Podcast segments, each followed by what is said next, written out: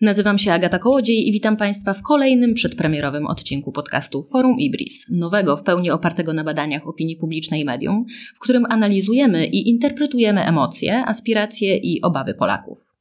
Tym odcinku rozmawiamy o nastrojach wśród przedsiębiorców po roku od wprowadzenia pierwszego lockdownu, a są one mocno podzielone. Z badania IBRIS przeprowadzonego dla Ernst Young wynika, że 33% przedsiębiorców ocenia ogólną sytuację swoich firm pozytywnie, zaś neutralnie 30%. Z kolei o negatywnej ocenie mówi 36% badanych. Ponad połowa przedsiębiorców deklaruje, że z powodu pandemii zrezygnowała z inwestycji. Jak interpretować te dane? Czy po roku pandemii mamy do czynienia z załamaniem nastrojów przedsiębiorców? Czy w biznesie zagościła depresja? Także w tym psychologicznym znaczeniu. Właśnie o tym porozmawiam dziś z moimi gośćmi. Są nimi Anna Dyas-Pokorska z Ibris. Dzień dobry pani. Dzień dobry, witam. I dr Marek Roskrót, główny ekonomista Ernst Young Polska i szef zespołu analiz ekonomicznych EY. Dzień dobry panie doktorze. Dzień dobry Pani, dzień dobry Państwu. Szanowni Państwo, zanim zaczniemy rozmawiać o nastrojach przedsiębiorców, mm, to ja chciałabym zapytać o Państwa nastroje. E, tak patrząc na ten miniony rok e, pandemii, lockdownu i tych przeróżnych, e, właściwie przebiegających ze skrajności w skrajność mm, prognoz gospodarczych, w którym momencie myśleliście Państwo, najgorzej o tym, co będzie się działo z polską gospodarką? To znaczy, czy, czy był taki moment, że, że ręce opadły i pomyśleliście sobie, o kurczę, to będzie naprawdę słaby czas? Pani Anno? Taki moment y, faktycznie y, zagościł gdzieś w okolicach końca listopada, być może z powodu aury na dworze, y, ale tak na poważnie to w moim przypadku również być może dlatego, że no na co dzień zajmujemy się badaniem nastrojów społecznych. Tak naprawdę nigdy, dlatego że Polacy są takim narodem, który w trudnych sytuacjach sobie dość dobrze radzi i co zresztą wiele innych badań potwierdza, że jesteśmy również narodem bardzo innowacyjnym, szukającym rozwiązań i no myślę, że przedsiębiorcy tym bardziej, tak? Bo to, to jest ta specyficzna część społeczeństwa, która no właśnie z powodu pełnionych funkcji zawodu jest, jest dostosowana, elastyczna do danej sytuacji. Także w moim przypadku na razie nie, nie miałam takiego momentu, kiedy bym była załamana totalnie. Panie doktorze, y, kiedy miał Pan najbardziej negatywne odczucia co do kondycji polskich firm i polskiej gospodarki w trakcie tego ostatniego roku? Moja ocena łączy spostrzeżenia dotyczące przebiegu pandemii, jak i skutków dla samej gospodarki. I ta moja ocena była jak najbardziej sceptyczna w początkowym okresie, krótko po wybuchu pandemii. I wbrew wielu opiniom, które wskazywały, że ta pandemia to będzie bardzo krótkookresowe zjawisko i że sobie z tym szybko poradzimy.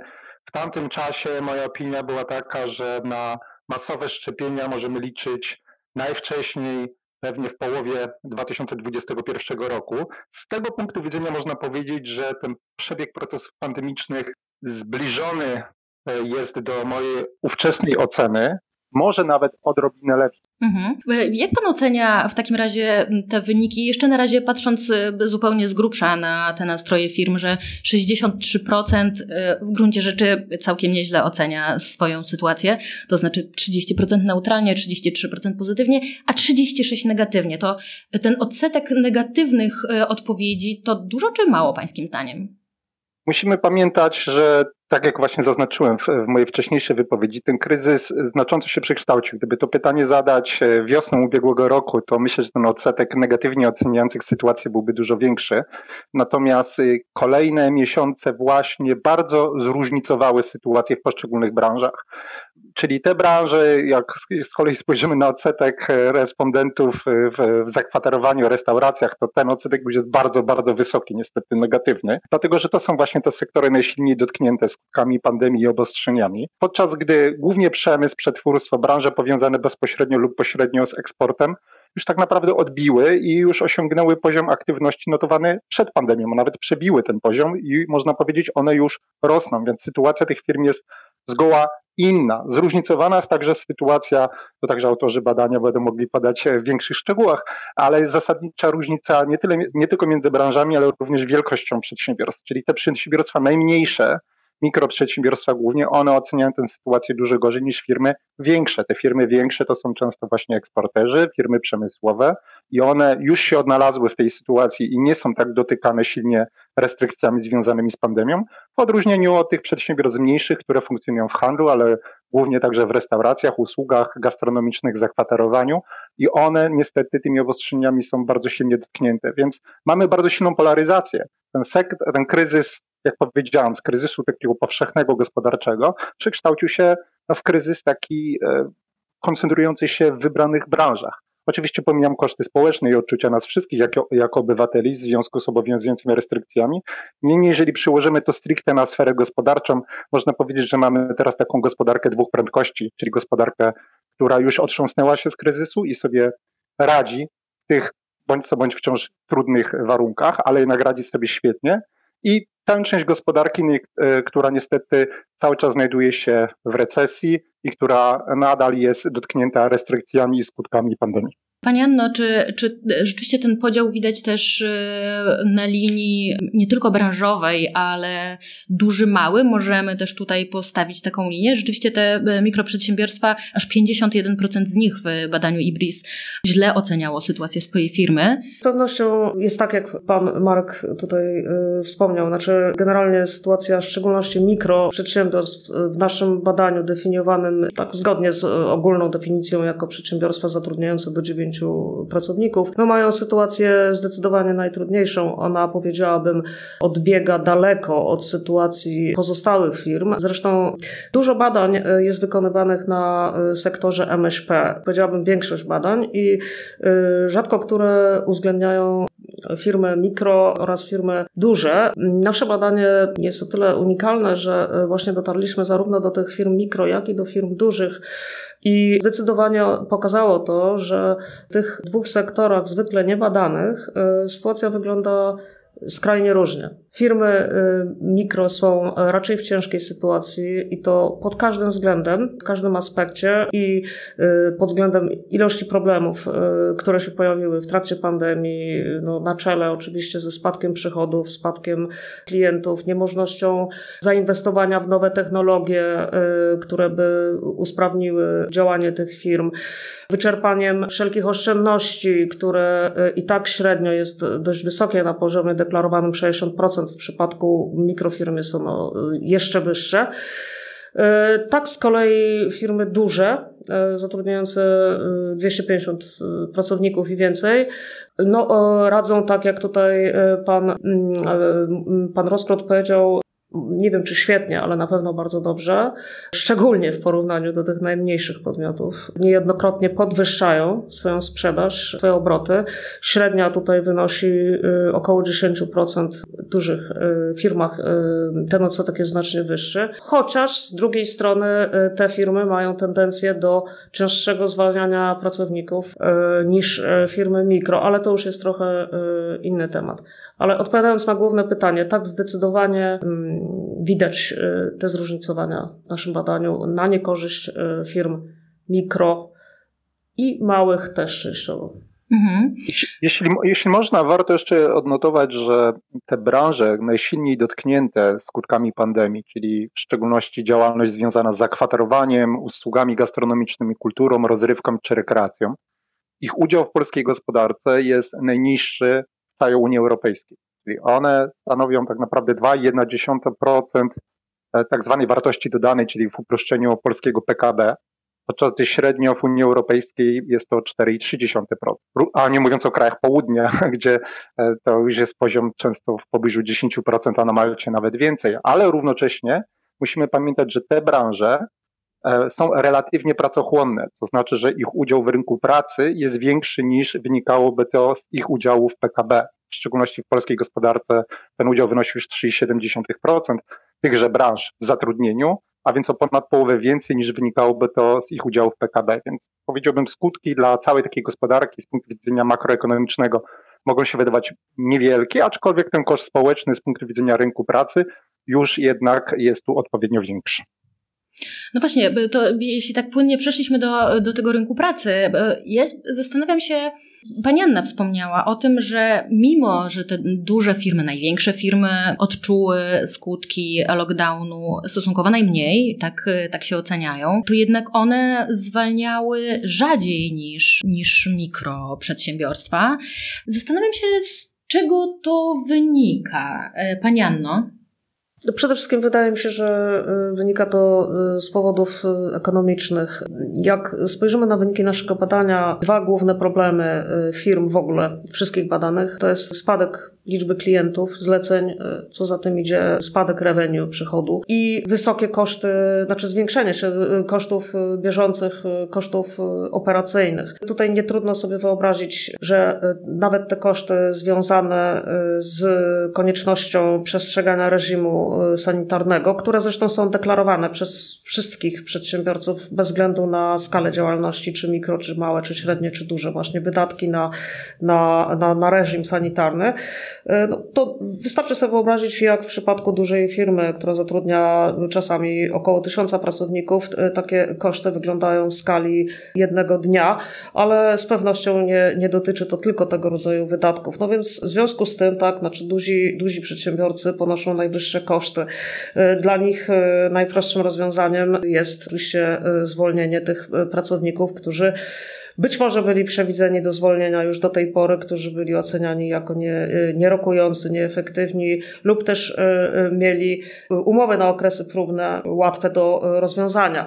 Natomiast jeżeli chodzi o przedsiębiorców mikro czy małych, no cóż, oni dysponują liczbą pracowników niewielką, także zwolnienie części pracowników nie generuje tutaj wielkich oszczędności, natomiast koszty psychologiczne są bardzo wysokie, dużo wyższe wydaje mi się niż w przypadku e, firm e, dużych. Tutaj właściciel, e, menedżer firmy mikro czy małej musi tego zwolnienia dokonać osobiście, częstokroć wobec osoby, którą zna, której rodzinę zna, no taka decyzja jest dużo trudniejsza i też dużo rzadziej w związku z tym podejmowana.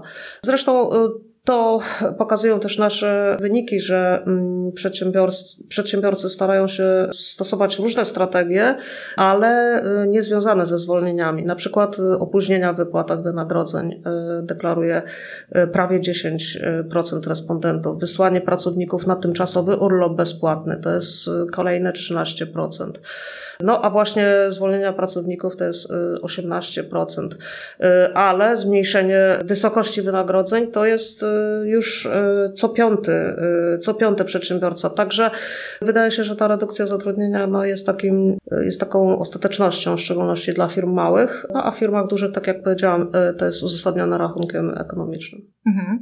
Ja przypominam sobie badania pani Joanny Tyrowicz, Diagnoza Plus z, z czerwca 2020 roku, w których e, ona wieszczyła jakiś naprawdę ogromny krach na rynku pracy. W czasie, kiedy oficjalne e, dane pokazywały poziom bezrobocia na, e, bezrobocia na poziomie 5,7%, pani doktor Turowicz stwierdziła, że realnie tego nie widać we wszystkich danych GUS-u i, i już wtedy w kwietniu, to, to, to było, była stopa bezrobocia w kwietniu, jej zdaniem wynosiło 10,3%. I rzeczywiście w tamtym okresie bardzo dużo mówiło się o tym, że, że już na pewno, już właściwie mnóstwo ekonomistów e, opowiadało, że na koniec roku to bez, stopa bezrobocia w Polsce będzie dwucyfrowa, sięgnie 10, może 11%.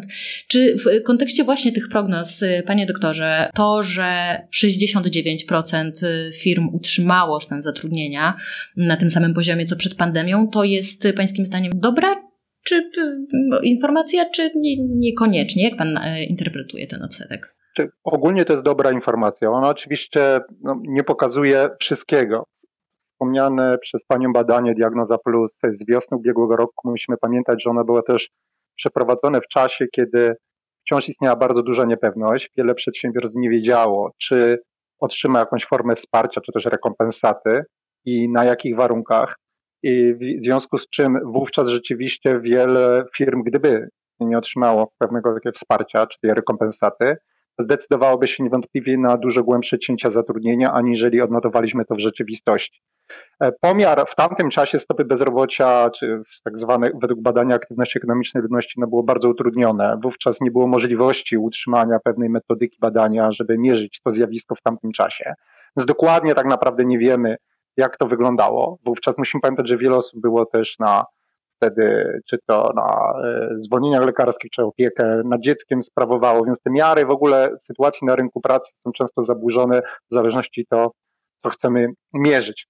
E, równocześnie to, e, co rzeczywiście także wpłynęło na znaczną ochronę, w dużym stopniu na ochronę miejsc pracy, to także jednak warunkowy charakter wsparcia ze strony państwa. Musimy pamiętać, że znaczna część pomocy finansowej czy też rekompensaty może mieć charakter bezwyrotny, to 3 czwarte w przypadku pierwszej tarczy, czy to 100% e, nawet w przypadku kolejnej tarczy finansowej, pod warunkiem jednak, że że jej zatrudnienie no, nie zostanie zredukowane. Musimy więc pamiętać, że wiele firm teraz na przykład, ten okres pierwszy referencyjny, jeśli chodzi o pierwszą tarczę, kończy się teraz na wiosnę, więc wiele tych przedsiębiorstw może jednak dokonać korekty tego zatrudnienia po tym, jak już spełnią warunki utrzymania przez ten okres referencyjny zatrudnienia na niezmienionym poziomie, w szczególności w tych branżach najsilniej dotkniętych pandemią. Więc trochę też musimy pamiętać, że utrzymanie tego zatrudnienia ma taki charakter sztuczny, mimo że wiele przedsiębiorstw znajduje się w trudnej sytuacji, utrzymują to zatrudnienie po to, żeby nie zwracać na przykład części e, pomocy finansowej. E, oczywiście jest tak ważny element, o którym e, również tu wspomniano przed chwilą, czyli rzeczywiście, jeżeli porównujemy mikrofirmy z firmami dużymi, no to jednak musimy sobie zdać sprawę, że dla firmy dużej zatrudniającej kilkaset osób zwolnienie kilku pracowników nie stanowi jakiegoś ogromnego wyłomu i, i osłabienia potencjału tejże firmy, no to w przypadku mikrofirmy, dajmy na to zatrudniającej trzy osoby, e, redukcja tego zatrudnienia o jedną osobę to tak naprawdę jest no, znaczące zmniejszenie możliwości funkcjonowania takiego mikroprzedsiębiorstwa i to jest decyzja już naprawdę no, o bardzo dużej no, wadze. Nie mówiąc o tym, że to często, tak jak to wspomniała Pani, jest, e, są członkowie rodziny. Stąd no, po, takie porównanie też musi uwzględniać skalę działalności, a dwa, jak wspomniałem, również na e, warunkowy charakter wsparcia, który sprawia, że wiele przedsiębiorstw no, utrzymuje to zatrudnienie. Niezależnie od tego, trzeba powiedzieć, że też nasze firmy w dużym stopniu no, chomikują pracę, takie określenie, no, co oznacza, że nie decydują się na zwalnianie pracowników, ale na przykład redukują właśnie, tak było też wspomniane, wymiar ich etatu, no, utrzymując te zasoby siły roboczej, zdając sobie także sprawę, bo musimy pamiętać, że sytuacja demograficzna, jeżeli chodzi o dostępność pracowników, jest bardzo trudna na rynku pracy i te tendencje są długotrwałe, w związku z czym zwolnienie pracownika mogłoby oznaczać, że e, pozyskanie podobne, o pracownika o podobnych umiejętnościach, kwalifikacjach w przyszłości dla wielu firm byłoby bardzo, bardzo trudne i bardzo kosztowne. Stąd wiele przedsiębiorstw decyduje się również no, ponieść te dodatkowe koszty, ale równocześnie na tyle, na ile formy zatrudnienia pozwalają na elastyczne dostosowanie, na przykład zmniejszenie wymiaru tego etatu i zmniejszenie kosztów ponoszonych przez przedsiębiorstwa. No właśnie, ja zastanawiam się, y, na ile ten wysoki odsetek, te liczby chyba nie padły, więc ja je przytoczę. Odsetek firm przeprowadzających redukcję zatrudnienia, to wśród dużych firm to było 42%, żebyśmy zdawali sobie sprawę z, ze skali. Natomiast w przypadku mikroprzedsiębiorstw takie redukcje zatrudnienia przeprowadziło 16% y, badanych. I ja zastanawiam się, na ile też te duże firmy nie robiły tego prewencyjnie, dlatego że dziś w, w kolejnym pytaniu y, tego badania badaniu, badania IBRIS dla EY Pytanie brzmiało, jakie e, obszary prowadzenia działalności są obecnie w czasie pandemii najbardziej problematyczne. Jedną z odpowiedzi są problemy ze znalezieniem pracowników. Odpowiedziało tak aż 16% badanych. Zastanawiam się, czy to wynika z odbicia jakiegoś e, koniunktury trochę w porównaniu do jakiegoś, nie wiem, pierwszego etapu lockdownu na przykład, czy właśnie być może wynika to z tego, że, że na początku te duże firmy trochę prewencyjnie zwalniały. Myślę, że że mieliśmy trochę takich przykładów gdzieś w przestrzeni medialnej, one się pojawiały. Pani Anno? Na pewno y, zachowania prewencyjne musiały być wdrożone, szczególnie y, przez duże firmy, dlatego że y, sytuacja była kryzysowa i przede wszystkim ta sytuacja była kompletnie nieznana. Tak, mamy do czynienia z sytuacją, która nie miała miejsca tak naprawdę w historii gospodarek, także zachowania prewencyjne są tutaj jak najbardziej na miejscu. Natomiast z pewnością po pewnym okresie czasu, no to już minął rok, tak, nawet ponad rok od, od początku pandemii, z tych zachowań przedsiębiorcy mogą się oczywiście wycofywać, y, szczególnie widząc, że powtórne znalezienie profesjonalistów właśnie na y, rynku nie jest y, w Polsce takie proste. Z drugiej strony jednak, ja chciałam też zwrócić uwagę, że no przy tym takim generalnie trochę optymistycznym wizerunku, który tutaj kreślimy, sytuacji firm w Polsce, w szczególności dużych, Dane, dane y, Krajowego Rejestru y, Długów, i to dane bardzo świeże, na 19 marca tego roku, wskazują, że postępuje zadłużenie firm i to postępuje w bardzo szybkim tempie. W tej chwili wynosi ponad 10 miliardów złotych, podczas gdy na początku lutego y, wynosiło 9,8 miliarda, tak? Znaczy to w skali miesiąca są naprawdę w miliony idące zmiany. No szczególnie tutaj się wyróżnia handel, czyli znowu i handel i usługi, tak? Czyli znowu te, te sektory, które w naszym badaniu mm, no, wyszło, że mają sytuację jakby najtrudniejszą, również najgorzej oceniają y, własną y, kondycję. Także, y, no, biorąc pod uwagę to z jednej strony zadłużenie, a z drugiej strony problemy, nasilające się problemy z płatnościami, zatorami płatniczymi, to jest 29% w deklaracjach w badaniu IBRIS. Nie wiemy do końca, tak, na, na ile te decyzje związane z zatrudnieniem, a raczej z ograniczeniem zatrudnienia, prewencyjne decyzje były słuszne, a na ile nie. Dlatego, e, że te dane, o których wspomniałam, pokazują, że sytuacje, pewne tendencje negatywne też istnieją i być może jeszcze się okaże, że w przypadku firm e, dużych decyzje o, o, o zwolnieniach pozwolą uniknąć po prostu no, problemów z płynnością, tak bardzo istotnych, które dotykają znowu w dużo większym stopniu firmy mikro i małe. Mhm. Panie doktorze, y, czeka nas fala upadłości w tym roku? Na pewno w przypadku niektórych firm, głównie w tych branżach najsilniej dotkniętych, myślę, że te upadłości nas czekają i konsolidacja w tych sektorach także nas czeka i ona jest odsunięta w czasie z tego względu, że ta kroplówka, która jest podtrzymywana przez państwo, ona przede wszystkim w początkowym okresie była jak najbardziej uzasadniona.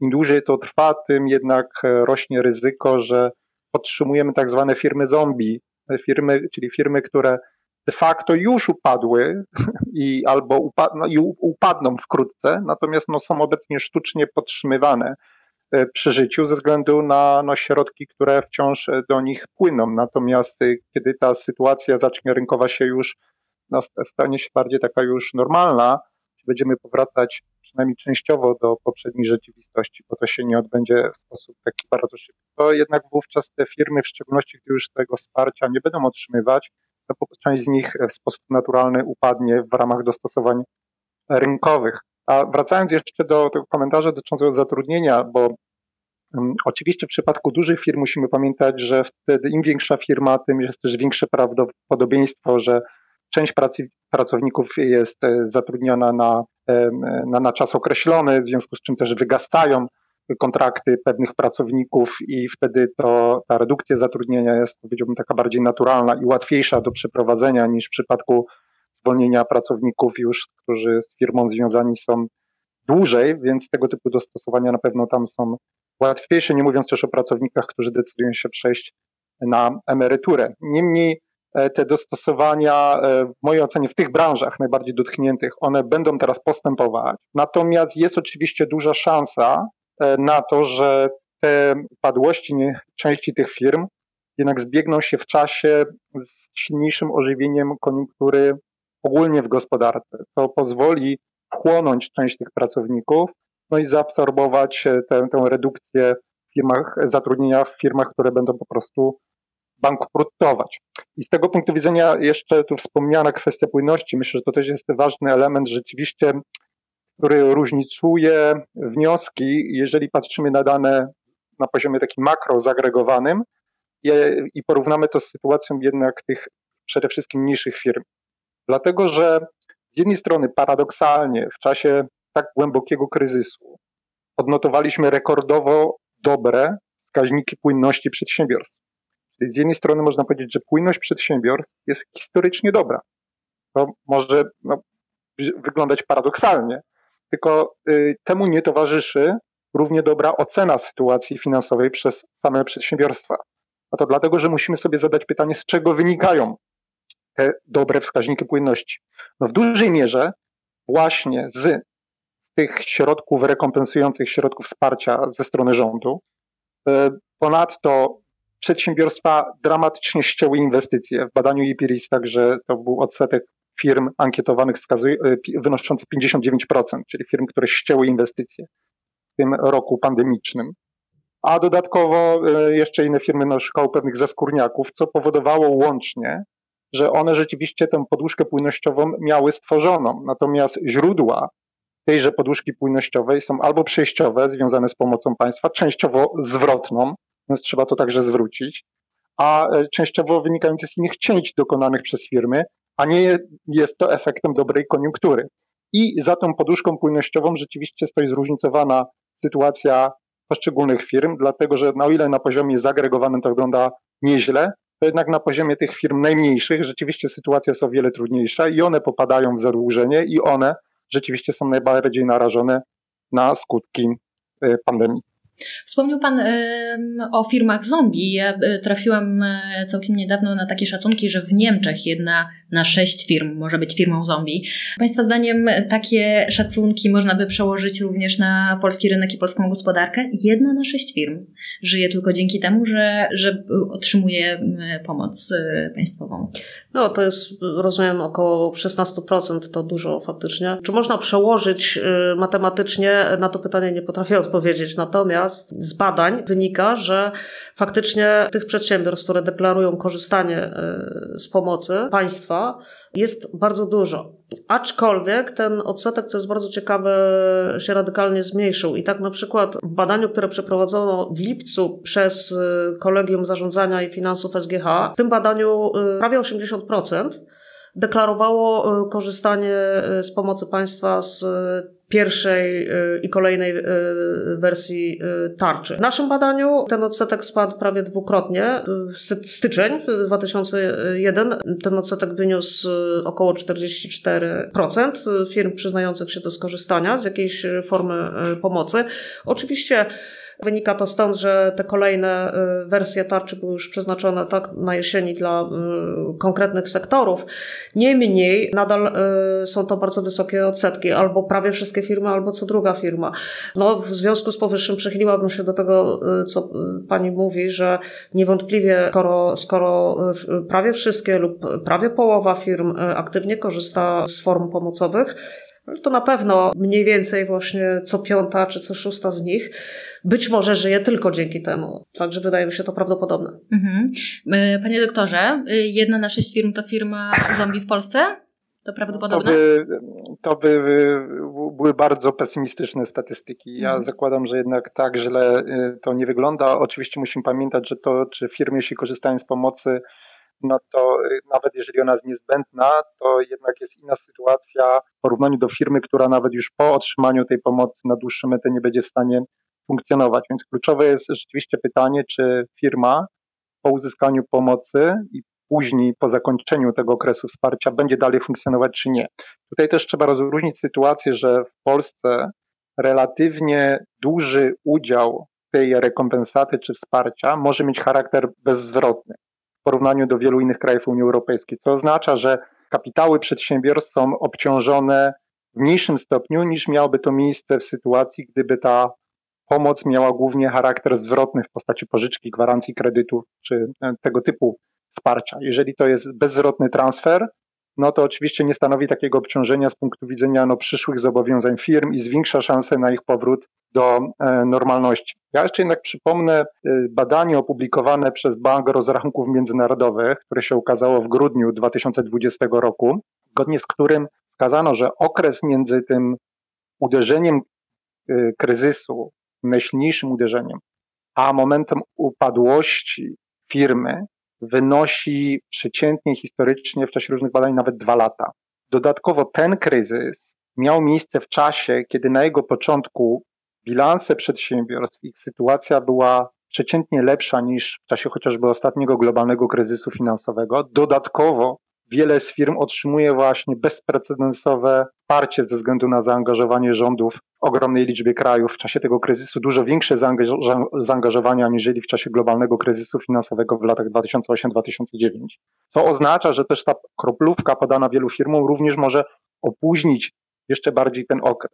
Stąd skutki tego kryzysu z punktu widzenia upadłości wielu firm i problemów w ich bilansach zobaczymy e, jeszcze nieco później, więc tak naprawdę na te efekty no, wciąż będziemy musieli czekać. To nie jest tak, że spojrzymy na najbliższe miesiące i po, ich upływie będziemy mogli wyciągnąć wnioski, jaki był ostateczny skutek tego kryzysu. Nie, te efekty są bardziej odroczone i oczywiście stanowi to między innymi wyzwanie dla sektora bankowego, który także musi ocenić, w jakim stopniu ich kredytobiorcy będą dotknięci skutkami tego kryzysu i na ile należności banków część z nich może jednak nie zostać spłacona w najbliższej przyszłości. No właśnie, bo y, patrząc y, też na odpowiedzi przedsiębiorców, y, którzy wskazywali, tylko 7% wskazało, że ma problem ze słabą dostępnością kredytów i mi się wydawało to zaskakujące, to znaczy, że to jest jednak dość niski odsetek i zastanawiam się, czy to rzeczywiście firmy nie posiłkowały się po prostu zbyt, zbyt mocno kredytem, bo nie miały takiej potrzeby, bo w pierwszej kolejności oszczędności i pomoc rządowa, Czego to wynika? Bo jeśli firmy nie narzekają na y, jakoś bardzo masowo na dostępność kredytu, to może też oznaczać, że banki wcale po tym pierwszym jakimś takim e, odruchu y, przykręcenia kurka z pieniędzmi, potem by, wróciły do mm, starych swoich zasad szacowania ryzyka. I czy to się rzeczywiście nie przełoży w dalszym kroku na, na ten sektor finansowy, który może mieć w przyszłości kłopoty, panie doktorze? Zawieszenie często działalności, de facto zawieszenie działalności wielu firm. Środki, które one otrzymały, pamiętajmy też, że było, następowała karencja różnych rad kapitałowych, odsetkowych tego y, w czasie kryzysu. To też zdecydowanie firmy cięły inwestycje, czy dokonywały innych oszczędności, to w sposób naturalny zmniejszało także zapotrzebowanie na kredyt, więc zainteresowanie pozyskaniem finansowania bankowego ze strony firm także dramatycznie spadło. No równolegle oczywiście mamy do czynienia y, z obniżeniem y, stóp procentowych banku centralnego, który także zmniejsza możliwości pozyskania zysków ze strony sektora bankowego, co z drugiej strony zwiększa ich zainteresowanie wsparciem firm, w szczególności jeżeli to wsparcie firmy również z punktu widzenia podaży kredytu spotykałoby się dodatkowo z gwarancjami udzielanymi przez instytucje publiczne, E, gdy banki takiego finansowania przedsiębiorstwom udzielają, co zmniejsza wówczas oczywiście także ryzyko po stronie banków. Niemniej, tak jak mówiliśmy, w czasie, kiedy firmy spotykają się głównie ograniczeniami po stronie popytu ze względu na dekoniunkturę, nie mówiąc o tych przedsiębiorstwach, które w ogóle nie, nie prowadzą działalności w tych branżach najsilniej dotkniętych e, sytuacją pandemiczną, a mm, dodatkowo, y, no jak wspomniałem, ta pomoc ze strony państwa również, y, przynajmniej przejściowo firmom pomaga funkcjonować w tym czasie, no to zdecydowanie zmniejsza zainteresowanie kredytem, stąd po prostu odnotowane spadki dynamiki kredytów w przypadku przedsiębiorstw. Inaczej sytuacja znowu wygląda w przypadku kredytów mieszkaniowych, gdzie to zainteresowanie cały czas obserwujemy. Ja jeszcze chciałam dorzucić, że y, jak wynika z naszego badania, niemniej jednak co piąte przedsiębiorstwo zadeklarowało konieczność y, wzięcia kredytu. W kontekście pytania, czy w związku z pandemią firmy były zmuszone tak, do jakichś działań. No więc jest to wyraźnie co piąte przedsiębiorstwo, tak, które wskazuje na konieczność wzięcia kredytu, pożyczki. Jakby z kontekstu pytania wynikało, że to nie chodziło o gwarancje państwowe czy pomoc ze strony państwa, Także jednak y, wydaje mi się, że z jednej strony świadczy to o tym, że nie było specjalnych problemów, tak, po prostu z podażą kredytów, y, gdyż po prostu były brane y, jednak. A przy okazji 7% deklaruje, że, że, to, że wzięcie takiego kredytu nie jest problemem, tak. Także tak, jeszcze... tytułem do powiedzenia, tak, że jednak 20% wzięło ten kredyt. Też trzeba pamiętać, że w ogóle nie tylko w Polsce, ale i w krajach europejskich wiele przedsiębiorstw wykorzystało ten początkowy okres y, niepewności, głównie na wiosnę ubiegłego roku, kiedy też nie było jasne, na jakiej zasadzie będą mogły dostawać finansowanie, otrzymywać dodatkowe finansowanie płynnościowe, czy to przy wsparciu banku centralnego, czy rządu. Wiele przedsiębiorstw rzeczywiście wykorzystało kredyty, czy też y, w, tam krajach, w tych krajach, gdzie rynek kapitałowy jest bardziej rozwinięty, emitowało obligacje, po to, żeby właśnie pozyskać finansowanie i zbudować sobie poduszkę finansową w czasie tej największej niepewności, jaka miała miejsce wkrótce po wybuchu pandemii i wprowadzeniu pierwszych lockdownów. No właśnie, jednym e, z tych działań, e, które miały ratować firmy, e, było, jak już Pan wspomniał, dramatyczne ścięcie inwestycji. To cytuję dramatyczne to Pańskie słowa.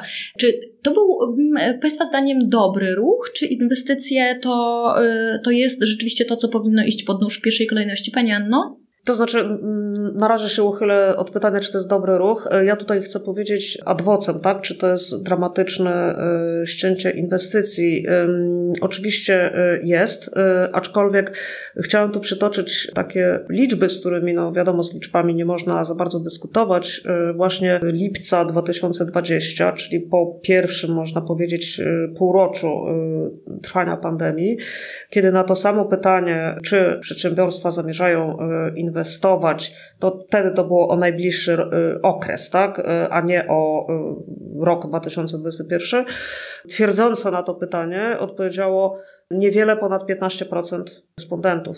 Tu podkreślę, że, żeby być fair, że były to tylko przedsiębiorstwa wtedy badane małe i średnie. Tak?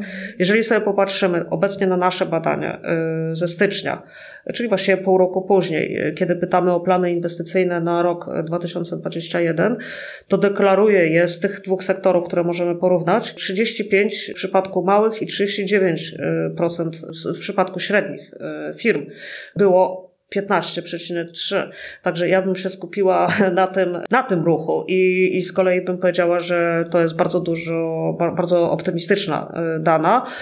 Co oczywiście nie zmienia y, tego, że no te dwie trzecie prawie tak y, deklarujące, że na tym właśnie będzie oszczędzać, jest no, w normalnych warunkach nadal bardzo złym wskaźnikiem. A czy to dobrze? No oczywiście, że, że, że niedobrze, tak? No nigdy nie jest dobrze oszczędzać na inwestycjach i tutaj też taka, taki fakt, który chciałam przytoczyć, częścią inwestycji są czasami rozdzielane, czasami wpadają do tego samego portfela, są e, innowacje, tak? No więc e, jeżeli chodzi o innowacje, e, to tutaj z badań również właśnie przeprowadzonych przez SGH wynika, że również wydatki na innowacje pierwszym roku, pół roku, przepraszam, półroczu pandemii uległy y, bardzo znacznym ograniczeniom. I co ciekawe, nie tak bardzo w przypadku firm działających na arenie międzynarodowej, ale bardzo silnie w przypadku firm y, sprzedających, działających lokalnie. Lokalnie, czyli na terenie y, Polski. Tutaj była deklaracja 30% zaprzestania działalności innowacyjnych włącznie nawet z zakupem e, właśnie tych technologii, e, które pozwalają e, przeciwdziałać skutkom pandemii, czyli technologii umożliwiających działalność online de facto. Przypadku, w przypadku tych globalnych przedsiębiorstw ten odsetek zaprzestania innowacji to było 20%. Ja bym się tym martwiła przede wszystkim, może nawet bardziej niż zrozumiałym brakiem mm, inwestycji jako takich, dlatego że jak tutaj słusznie zauważyli analitycy ze SGH, to powoduje do bardzo dużego prawdopodobieństwa powstania takiej luki konkurencyjnej, tak? Właśnie między przedsiębiorstwami lokalnymi, polskimi po prostu, tak? A e, przedsiębiorstwami globalnymi. No, jeżeli nie będziemy inwestować innowacyjnie, to wtedy nie będziemy się rozwijać. No, skutkiem czego jest właśnie utrata y, przewagi konkurencyjnej, która się no, może sprowadzić wtedy wyłącznie do, nie wiem, tańszej siły y, roboczej. Y, to mm, mniej więcej to, to chciałam właśnie podkreślić, właśnie te, te, te innowacje. Tak. Mhm, a w tym kierunku iść nie chcemy. Chcemy gonić zachód, a robić to możemy tylko za pomocą y, innowacji. Każdy chce więcej zarabiać, a będąc tanią siłą roboczą zarabiać nie będziemy. To może prowokacyjnie należałoby uzależnić kolejne ewentualnie narzędzia pomocowe dla firm y, właśnie od innowacyjności, od y, inwestycji w badania i rozwój, w innowacje, żeby nie prowadzić do, tak trochę upraszczając to, co powiedział pan doktor wcześniej, ale że jednak trochę przedłużamy tylko pomocą agonię bardzo wielu firm. Więc może należałoby im pozwolić upadać, a pomagać tylko tym innowacyjnym? Co pani na to? Czy to zbyt brutalne byłoby?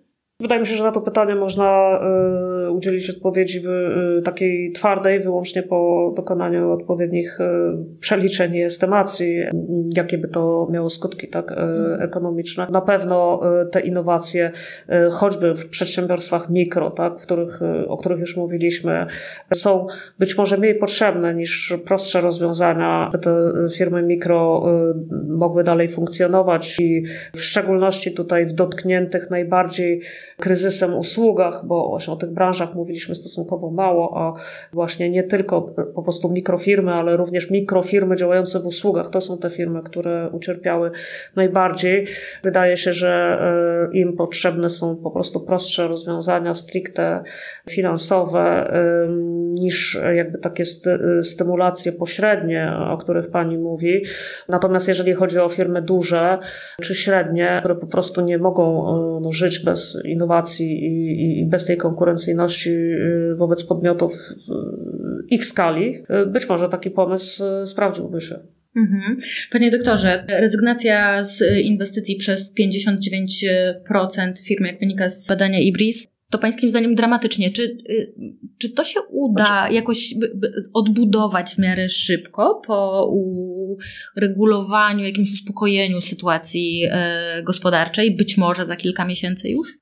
Tak, ja zdecydowanie oczekuję ożywienia inwestycyjnego, głównie w drugiej połowie roku. Oczywiście my się nie możemy obrażać na firmy, że one tną inwestycje, to jest y, w czasie kryzysu coś zupełnie naturalnego.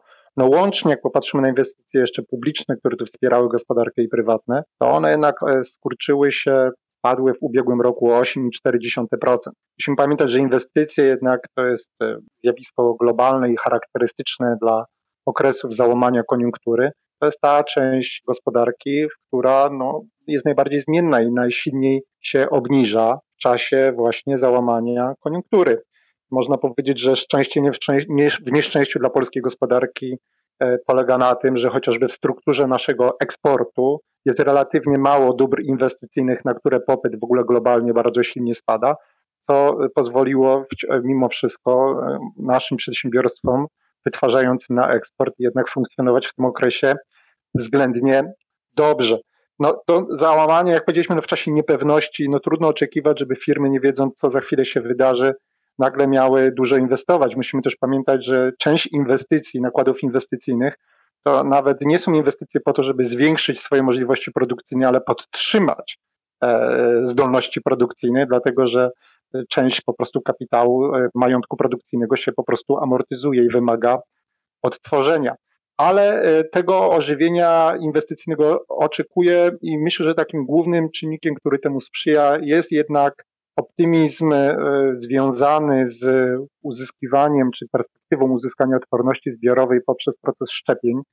Nawet jeżeli uwzględnimy, że być może kolejna runda szczepień będzie potrzebna, gdyby mutacje wirusa, kolejne mutacje wirusa tego wymagały, to mimo wszystko wydaje się, że wykluczając oczywiście te najczarniejsze scenariusze, ta perspektywa względnego i stopniowego powrotu do e, takiej względnej normalności dla większości zdecydowanych branż jednak jest i to będzie sprzyjać procesowi inwestycyjnemu. Dodatkowo musimy pamiętać o Unijnym Funduszu Odbudowy i programach inwestycyjnych, jakie z tym będą związane, e, ukierunkowane w dużym stopniu no, na gospodarkę zieloną, cyfrową, co za tym idzie, nawet jeżeli znaczna część tych inwestycji to będą inwestycje publiczne, one jednak będą silnie powiązane również z inwestycjami prywatnymi. To będzie kolejna dźwignia, która od tej strony będzie wspierać gospodarkę. Oczywiście ten wzrost inwestycji w roku bieżącym nie będzie wystarczająco silny, żeby skompensować ich spadek w roku ubiegłym, natomiast możemy oczekiwać, że wielkość nakładów inwestycyjnych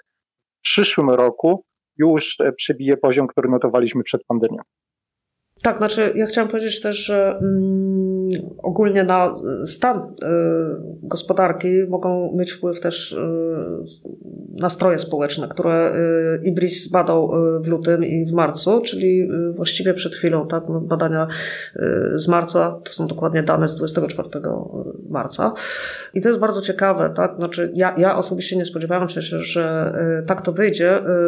Pytanie dotyczyło, czego się ludzie bardziej obawiają, czy kryzysu, czy epidemii. I tutaj mamy wyraźną przewagę na odpowiedzi, że zdecydowanie lub raczej tak, ludzie obawiają się kryzysu, to jest ponad 30% tak odpowiedziało. Że tak samo to było około 47%, natomiast że bardziej epidemii 20%. I w szczególności takie obawy silnie wyrazili ludzie aktywni zawodowo, posiadający rodziny na utrzymaniu, mężczyźni, wieku powiedzmy od 30 do 50 lat, czyli no, ci, na których barkach tak spoczywał jakby los dzieci, los, los swoich rodzin, no ale także los emerytów, tak to, to oni pracują też na emerytury. I no, przy takim nastawieniu społecznym, kiedy w tej chwili problemem stał się, oczywiście nie dla wszystkich, jak widać, tak, ale jednak zdecydowanie bardziej kryzys lub tak samo co najmniej kryzys jak epidemia.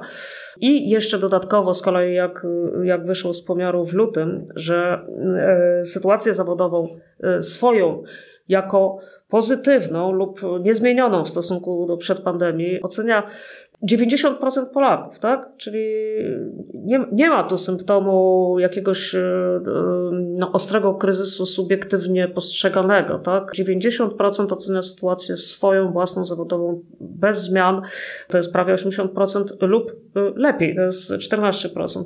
E, więc jakby jeżeli złożyć te dwa wyniki, prawda? Z jednej strony zawodowo oceniamy się dobrze, mamy co stracić w związku z tym mamy co stracić, a z drugiej strony boimy się kryzysu, no to jakby istnieje tak? Wola y, w narodzie, wola w społeczeństwie, żeby mocno y, pracować, tak? Już trochę idąc dalej pośrednio można wysnuć wniosek właśnie ryzykować, inwestować, tak? Żeby ten stan posiadania utrzymać, gdzieś obawy przed epidemią spychając na dalszy plan. No właśnie, ja się szczerze mówiąc tak, e, panie doktorze? Ja się właśnie chciałam jeszcze się tu odnieść w kontekście e, wypowiedzi pani, że przywołać jeszcze dwa dodatkowe wnioski z badania IBRIS-u zrealizowanego na zlecenie EY. Po pierwsze, że przedsiębiorstwa w tymże badaniu dużo lepiej oceniają swoją sytuację, aniżeli sytuację całej gospodarki. Czyli patrząc na to, jak funkcjonuje ich przedsiębiorstwo, ta ich ocena jest wyraźnie lepsza niż gdy tę ocenę formują odnośnie do całej gospodarki. I to na pewno jest bardziej pozytywne niż e, gdyby to miał, niż gdyby odwrotny wniosek miał mieć miejsce. Plus z punktu widzenia, znowu wracając do tychże samych inwestycji, widzimy, że te plany inwestycyjne wyglądają jednak wyraźnie lepiej w przedsiębiorstwach, które funkcjonują w przemyśle, przemysł, który właśnie jest powiązany często z eksportem i to jeszcze raz potwierdza wnioski, że ta część gospodarki, ona funkcjonuje wyraźnie lepiej niż z kolei te mniejsze przedsiębiorstwa, często funkcjonujące w handlu, w gastronomii czy też e, w hotelarstwie. Bardzo się cieszę, że pan doktor nawiązał do tej e, oceny generalnie stanu polskiej gospodarki, bo, bo zastanawiałam się, czego to wynika. To znaczy, jednocześnie mamy w mediach bardzo dużo negatywnych informacji, bo media uwielbiają negatywne informacje i lubią tym epatować, ale z drugiej strony Komisja Europejska, pokazująca dane na temat e, polskiego PKB za 2020 rok, e, owszem, mieliśmy recesję, ale ta recesja była jedną z najniższych w Unii Europejskiej. Tak naprawdę lepsza była tylko, tylko Litwa. Polska by skurczyła, polska gospodarka skurczyła się o 2,8%. To jest bardzo dobra wiadomość. Skąd w takim razie, skąd w takim razie razie te negatywne y, oceny? Czy to jest rzeczywiście po prostu dajemy się omamić tym negatywnym przekazom medialnym, nie do końca patrząc na twarde dane, oceniając polską gospodarkę?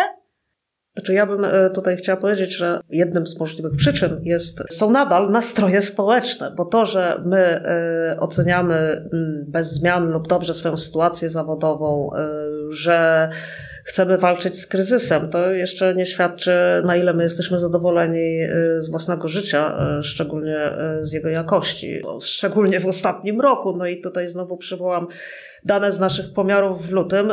Otóż 44% dorosłych Polaków deklaruje, że jest zdecydowanie lub raczej mniej zadowolony z życia, tak, niż był przed pandemią, to jest prawie połowa.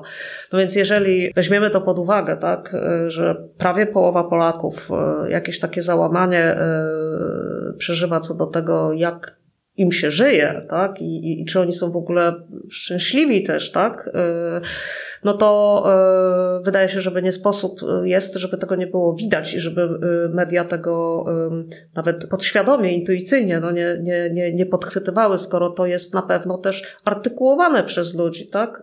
Co z tego, że sytuacja materialna znowu tutaj przytoczę daną, dla 73% się nie zmieniła lub jest wręcz lepsza, tak? Dla 20% niż przed pandemią. To jest bardzo pozytywna dana, ale te 44% pozosta pozostaje nadal mniej zadowolonych i, i, i, mniej szczęśliwych e, z życia. Na pewno no, znajduje to swoje odbicie w tym, co ludzie mówią, robią. Media to podchwytują. Tak, z punktu widzenia społecznego. Tak wytłumaczenie. Mhm. Panie doktorze, nie patrzymy nie, na liczby? Myślę, że no, tu to rzeczywiście porównujemy mm, często też odczucia takie osobiste z twardymi wskaźnikami. Ja jeszcze a propos twardych wskaźników dodam, że oprócz Litwy jednak lepszy wynik niż polska gospodarka osiągnęły także Luksemburg oraz Irlandia. Irlandia, która jako jedyna odnotowała dodatnią zmianę PKB w tym czasie. Niemniej jeśli uwzględnimy i rok poprzedni i prognozy na rok bieżący, to tutaj już Polska jest znowu w bardzo ścisłej czołówce Unii Europejskiej jako drugi kraj po Irlandii, jeżeli połączymy ten e, okres kryzysu i, i najbliższy okres odbudowy polskiej gospodarki, więc to wygląda względnie nieźle. Pamiętajmy też, że mimo skurczenia się gospodarki, teraz opublikowane najnowsze dane GUS pokazują, że w tym czasie jednak dochód do dyspozycji gospodarstw domowych wzrósł w tym czasie, e, nawet po uwzględnieniu inflacji, która w Polsce była najwyższa w Unii Europejskiej w roku ubiegłym, ale nawet po tym uwzględnieniu wzrostu cen okazuje się, że dochód do dyspozycji siły nabywczej gospodarstw domowych wzrosła, mimo tego, że cała gospodarka się skurczyła. Oczywiście w dużym stopniu jest to wynikiem transferów i odzwierciedlenie ma to we wzroście długu publicznego polskiej gospodarki, ale z punktu widzenia takich twardych wskaźników, podobnie gdy możemy tutaj przypuszczać, gdy e, ankietowani oceniają sytuację swojego przedsiębiorstwa, to koncentrują się na tych wskaźnikach twardych i tutaj widzą, że sytuacja nie wygląda aż tak źle, a w tych branżach, jak powiedziałam, głównie w przemyśle, to sytuacja wygląda już naprawdę przyzwoicie. O tyle, no, gdy patrzę na całą gospodarkę, no tu rzeczywiście, nie jestem socjologiem, ale e, tutaj może te czynniki związane w, z obniżeniem komfortu życia, z kosztami społecznymi, jakie podnosimy, ponosimy wszyscy, to już może wpływać e, bardziej na tę ocenę, stąd e, ta rozbieżność, którą odnotowujemy. Ale to jest już tylko moja hipoteza, nie badałam tego bardziej dogłębnie. Ja tak tylko na koniec jeszcze podrzucę y, badanie, które, na które natknęłam się dzisiaj rano, dotyczące wyłącznie y, branży beauty, y, fryzjerki, kosmetyczki i, i pewnie jeszcze parę innych profesji. Zapytano o to, czy dostosują się, czy dostosowały się już do panujących jeszcze, jeszcze ściślejszych ograniczeń w działaniu. I przyznam, że byłam zszokowana tym, że okazało się, że 9% zadeklarowało, że absolutnie w ogóle nie zamknie swojej działalności. E, natomiast aż 36% powiedziało, że nie zamknie nawet jeśli dostanie e, pomoc e, od państwa. Znaczy, ja tu wyczułam jakiś taki bardzo duży bunt, który tak naprawdę mocno mnie niepokoi w kontekście właśnie gospodarki i tego, co nas czeka w tym roku. Bo 2021 rok miał być takim czasem odbicia, a tymczasem mamy y, trzecią falę, mamy kolejne ograniczenia. Y, co chwilę y, dyskutuje się o tym, że być może należałoby zastosować zakaz przemieszczania się, więc ta gospodarka, jakby moment, w którym ta gospodarka będzie znowu odbijać się, oddala. I w momencie, kiedy słyszę, że branża zamknięta otwarcie, otwarcie mówi, że ona nie ma zamiaru dostosowywać się do ograniczeń, to ja widzę tylko czarny scenariusz pod tytułem utkwimy w tej trzeciej fali na bardzo długo. I e, Państwo nie mają takich obaw, że, e, że to się jednak będzie ciągnąć. Ten 2021 rok, wbrew temu, co zapowiadano, wcale nie będzie mm, odbiciem jeszcze, że, że będziemy trochę tkwić na tej mieliźnie? Zresztą może y, ja odpowiem tak, znaczy y, to jest oczywiście wróżenie, tak, y, z fusów, jak to się mówi, dlatego że no cóż, wszystko zależy choćby od tak prostej sprawy, jak będzie epidemia, w sensie wirusa rozwijała się dalej, czy będą mutacje, czy nie będą. No ja wierzę, że generalnie medycyna która y, bardzo tutaj idzie do przodu. Wystarczy spojrzeć na notowania tak medycznych czy biomedycznych spółek giełdowych na giełdzie warszawskiej, nie tylko. Poradzi sobie z tymi wyzwaniami i Dużo nadzieję pokładam jednak w programie szczepień. E, jesteśmy chwilę przed ogłoszeniem zmian w Narodowym Programie Szczepień, dobrych zmian, które być może będą nawet szły w tą stronę, że codziennie będzie tak rejestrował się nowy rocznik na te szczepienia i wierzę głęboko, że szczepienia pozwolą do jesieni opanować sytuację epidemiologiczną. To tak zgodnie z tym, jak sobie życzą tego ludzie, tak, że teraz naszym zadaniem jest kryzys, a nie epidemia i, i wierzę, że się gospodarka odbije no już na jesieni, bo takie jest, taka jest mocna wola społeczeństwa, a to, że no cóż, branże, które powinny się zamykać, nie chcą się zamykać, dla mnie jest to sygnał do po prostu bardzo silnego nastawienia proaktywnego.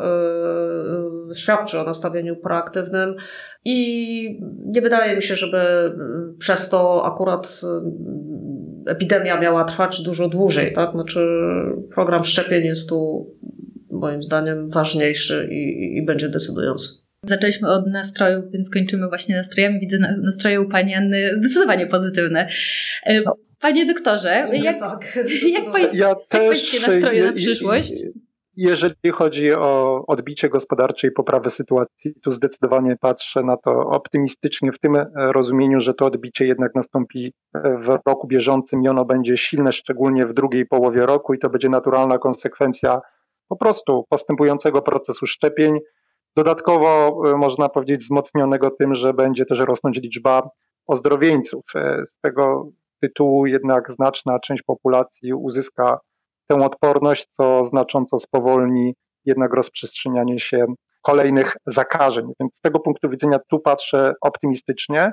Oczywiście brak dyscypliny i przestrzegania pewnych e, restrykcji ze strony rosnącej liczby przedsiębiorstw czy obywateli, ten e, moment e, odbicia może nieco opóźnić, ale to już nie będzie diametralna różnica. Natomiast no, takie zachowanie, opór i no, coraz częściej obserwowane przeciwstawianie się restrykcjom ze strony przedsiębiorstw to jest też no, konsekwencja na pewno zmęczenia, ale często i braku rozumienia i braku spójności także w komunikacji ze strony rządu. Doświadczenia w szczególności krajów azjatyckich pokazują, że skuteczność działań ukierunkowanych na wygaszenie, zduszenie pandemii bardzo silnie zależy po prostu od zaufania, od zaufania kapitału społecznego i współpracy między rządem, samorządami, przedsiębiorstwami, czy szerzej obywatelami. Pamiętajmy, poziom kapitału społecznego, jakkolwiek go mierzymy w Polsce przed pandemią, już był bardzo niski. Na swój sposób, można powiedzieć, ta pandemia stanowiła swego rodzaju okazję do zbudowania mostu komunikacji między rządem, e, przedsiębiorstwami, samorządami, obywatelami, e, żeby wspólnie, w sposób solidarnie działać, e, aby przeciwdziałać tejże pandemii i wzrostowi liczby zakażeń. Mi się wydaje, że główne zastrzeżenie, jakie można podnieść, to jednak właśnie dotyczy tej polityki informacyjnej, komunikacji ze strony rządu, która często była niezrozumiała, zmieniana gwałtownie z jednego okresu na drugi, często bez głębszego uzasadnienia. Przedsiębiorcy byli zaskakiwani, no i w takiej sytuacji to po prostu w sposób naturalny budziło ich opór, to pewnego rodzaju bunt i stąd właśnie takie zachowanie, jakie obserwujemy, kiedy ci przedsiębiorcy czy obywatele po prostu mają tego dość, mimo że no, powinniśmy się solidaryzować i wspólnie rzeczywiście przeciwdziałać tej pandemii. No, brak zaufania czy no, niewykorzystanie tej okazji, zbudowania tego pomostu między rządem a pozostałymi podmiotami w gospodarce, no, wydaje mi się, że tego niestety nie wykorzystaliśmy.